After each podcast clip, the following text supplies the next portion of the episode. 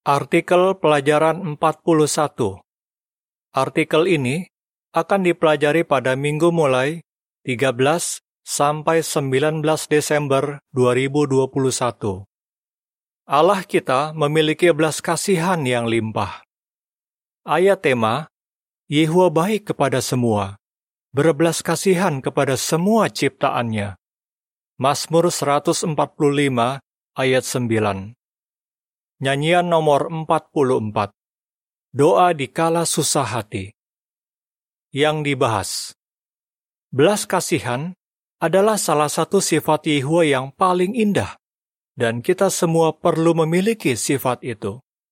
Di artikel ini, kita akan membahas mengapa Yehua menunjukkan belas kasihan dan mengapa kita bisa yakin bahwa Yehua selalu berbelas kasihan sewaktu mendisiplin seseorang.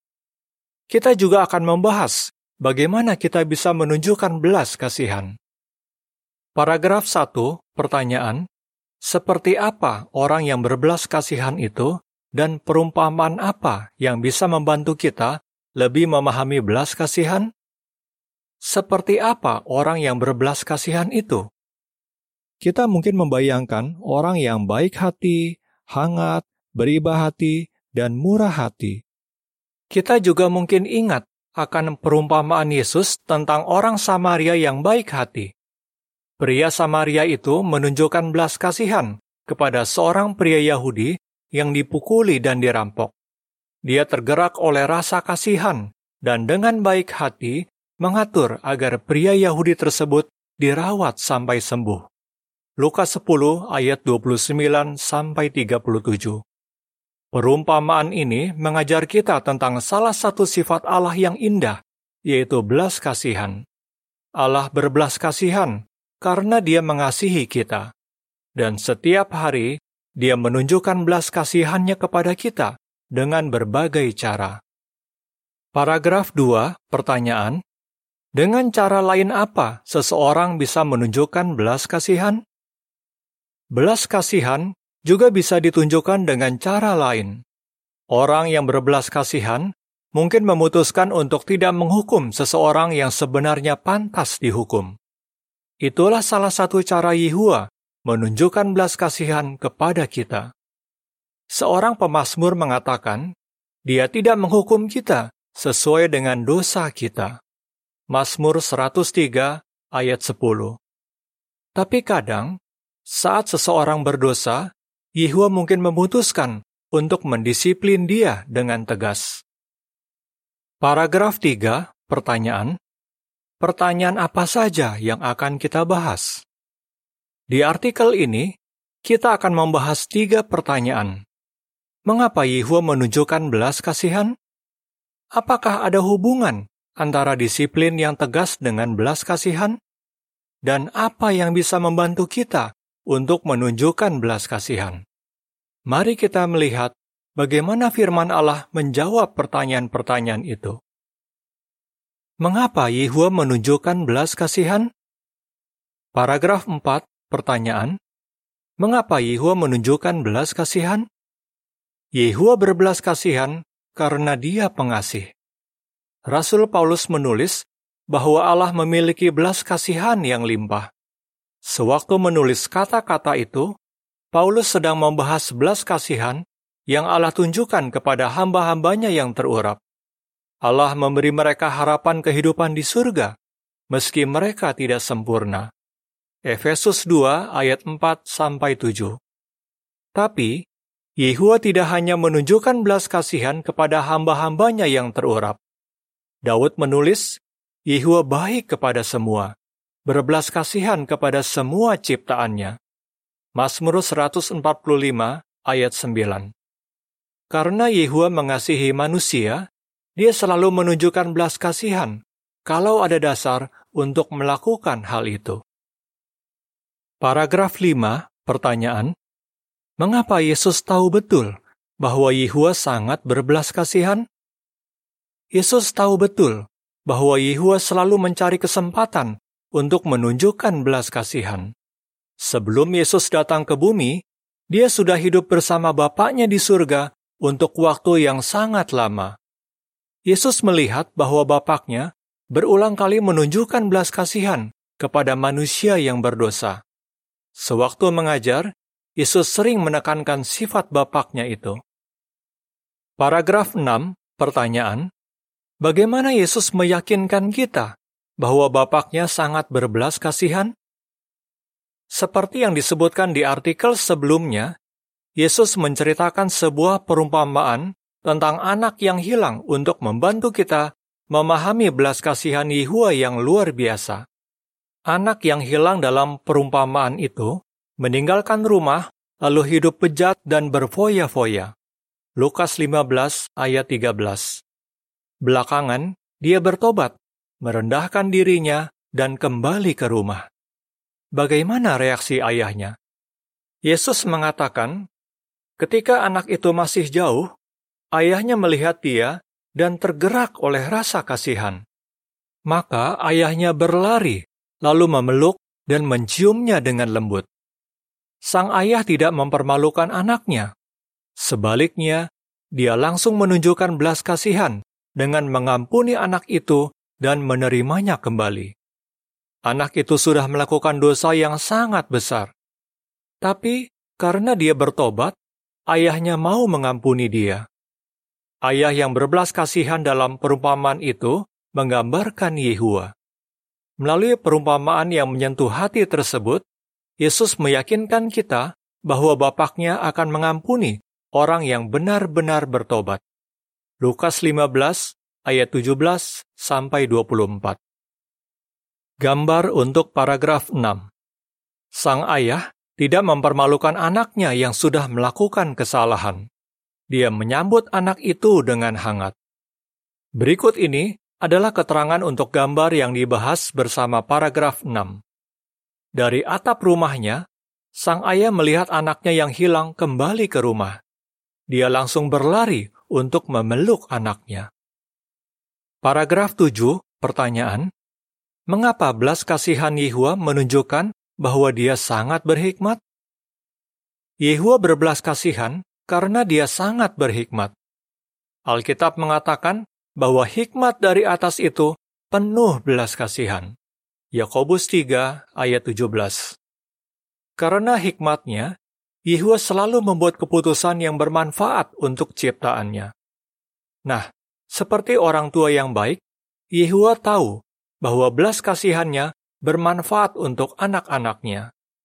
Belas kasihan Yehua memungkinkan mereka punya harapan masa depan, meskipun mereka tidak sempurna.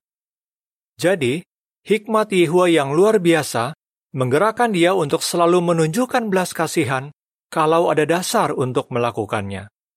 Di sisi lain, karena berhikmat, Yehua selalu menunjukkan belas kasihan dengan sangat seimbang. Meskipun berbelas kasihan, dia tidak pernah bersikap serba boleh. Paragraf 8, pertanyaan, Tindakan apa yang perlu dilakukan atas orang yang tidak bertobat dan mengapa? Bagaimana kalau seorang hamba Yehua dengan sengaja terus melakukan dosa serius? Di bawah bimbingan Yehua, Paulus memberi sidang Kristen petunjuk untuk tidak lagi bergaul dengan orang seperti itu. 1 Korintus 5 ayat 11. Ya, orang yang tidak bertobat dari dosanya harus dipecat dari sidang.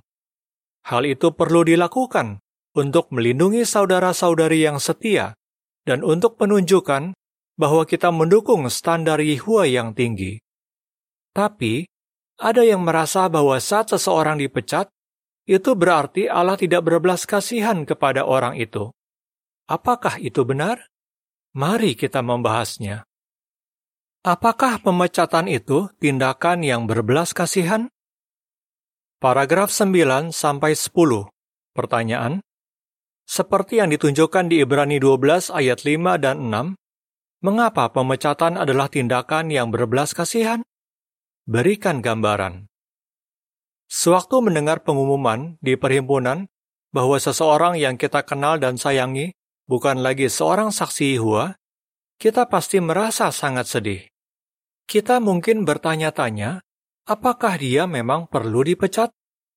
Apakah pemecatan adalah tindakan yang berbelas kasihan? Ya. Kalau kita menahan disiplin dari orang yang membutuhkannya, kita justru tidak bijaksana, tidak berbelas kasihan, dan tidak pengasih. Apakah pemecatan bisa membantu seseorang untuk bertobat dan berubah? Ya. Banyak saudara-saudari yang dulunya melakukan dosa serius mengatakan bahwa pemecatan membuat mereka menyadari betapa buruknya kesalahan mereka. Itu juga membuat mereka tergerak untuk bertobat dan kembali kepada Yehua. Ibrani 12 ayat 5 dan 6 mengatakan, Kalian sudah benar-benar lupa dengan nasihat yang Allah berikan kepada kalian anak-anaknya, yaitu, Anakku, jangan remehkan disiplin dari Yehua, ataupun putus asa saat dikoreksi olehnya. Karena Yehua mendisiplin semua yang dia sayangi, bahkan mencambuk setiap orang yang dia anggap sebagai anak. Perhatikan gambaran ini. Seorang gembala melihat bahwa salah satu dombanya sedang sakit. Dia tahu bahwa untuk merawat domba itu, dia harus memisahkan domba tersebut dari domba-domba lainnya. Tapi, domba adalah hewan yang senang berkumpul, dan mereka akan gelisah saat terpisah dari kawanan. Apakah itu berarti gembala tersebut bersikap kejam sewaktu memisahkan domba yang sakit itu? Pasti tidak. Dia tahu bahwa kalau dia membiarkan domba itu tetap bersama kawanannya, penyakitnya akan menular ke yang lain. Dengan memisahkan domba yang sakit itu, gembala tersebut melindungi seluruh kawanan. Paragraf 11, pertanyaan A. Mengapa orang Kristen yang dipecat bisa disamakan seperti domba yang sakit? Pertanyaan B. Apa yang bisa dilakukan oleh orang yang dipecat? Dan bantuan apa yang bisa mereka terima? Orang Kristen yang dipecat bisa disamakan seperti domba yang sakit. Orang itu sakit secara rohani. Seperti beberapa penyakit jasmani, penyakit rohani juga bisa menular. Jadi kadang, orang yang sakit secara rohani harus dipisahkan dari sidang Kristen. Tindakan pemecatan menunjukkan bahwa Yehua mengasihi hamba-hambanya yang setia di dalam sidang. Itu juga bisa membantu orang yang berdosa tersebut untuk menyadari kesalahannya dan bertobat. Selama dipecat, orang itu bisa menghadiri perhimpunan untuk mendapat makanan rohani dan memperkuat kerohaniannya. Dia juga bisa mendapat publikasi untuk dipelajari sendiri, dan dia bisa menonton JW Broadcasting. Kalau para penatua melihat bahwa dia sudah mulai membuat perubahan, dari waktu ke waktu, mereka mungkin akan memberi dia nasihat dan petunjuk yang berguna. Mereka melakukan itu untuk membantu dia memperbaiki hubungannya dengan Yehua, agar dia akhirnya bisa diterima kembali ke sidang. Catatan kaki mengatakan, untuk mengetahui bagaimana orang yang diterima kembali bisa memperbaiki hubungannya dengan Yehua dan bagaimana para penatua bisa membantu, lihat artikel Membangun Kembali Persahabatan dengan Yehua dalam majalah ini. Akhir catatan kaki. Gambar untuk paragraf 9 sampai 11. Seekor domba yang sakit mungkin harus dipisahkan dari kawanannya. Tapi, domba itu masih tetap dirawat oleh gembalanya. Paragraf 12, pertanyaan.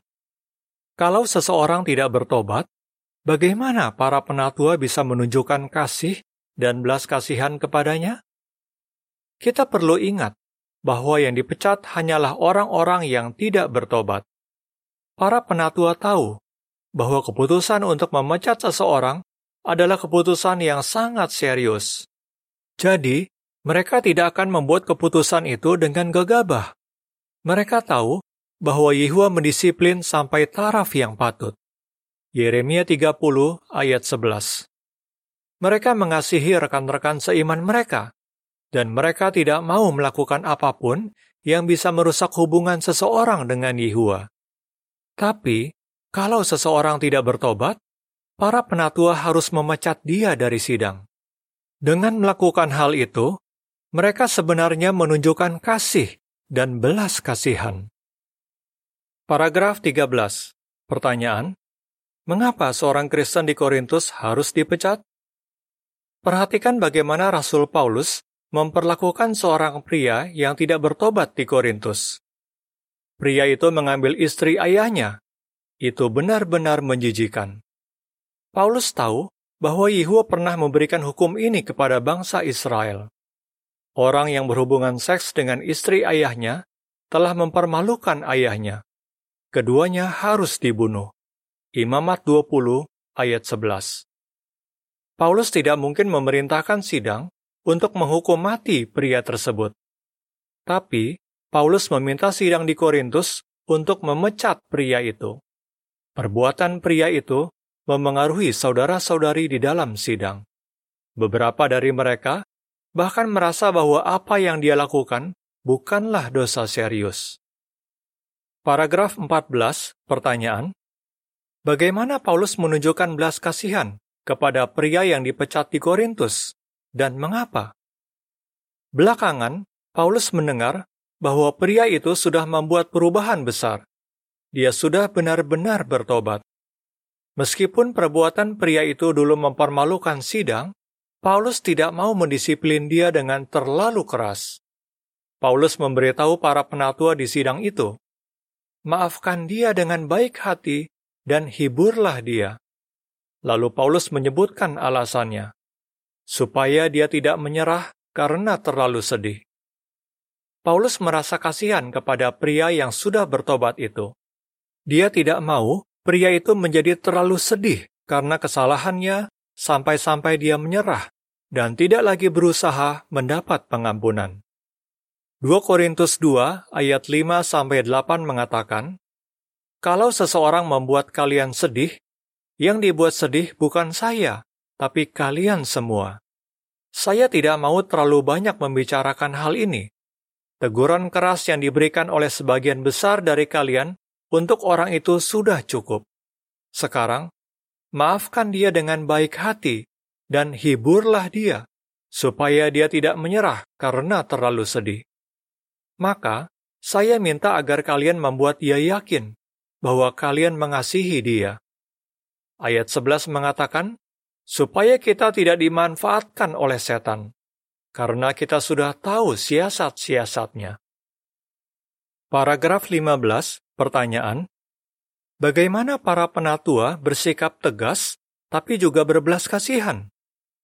Seperti Yehua, para penatua selalu mencari kesempatan untuk menunjukkan belas kasihan.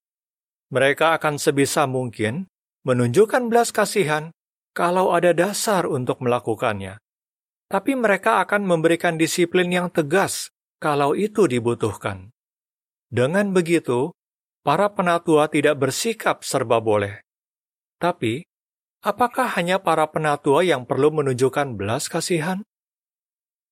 Apa yang bisa membantu kita untuk menunjukkan belas kasihan? Paragraf 16, pertanyaan. Menurut Amsal 21 ayat 13, bagaimana Yehua memperlakukan orang-orang yang tidak berbelas kasihan? Semua orang Kristen harus berupaya meniru belas kasihan Yehua.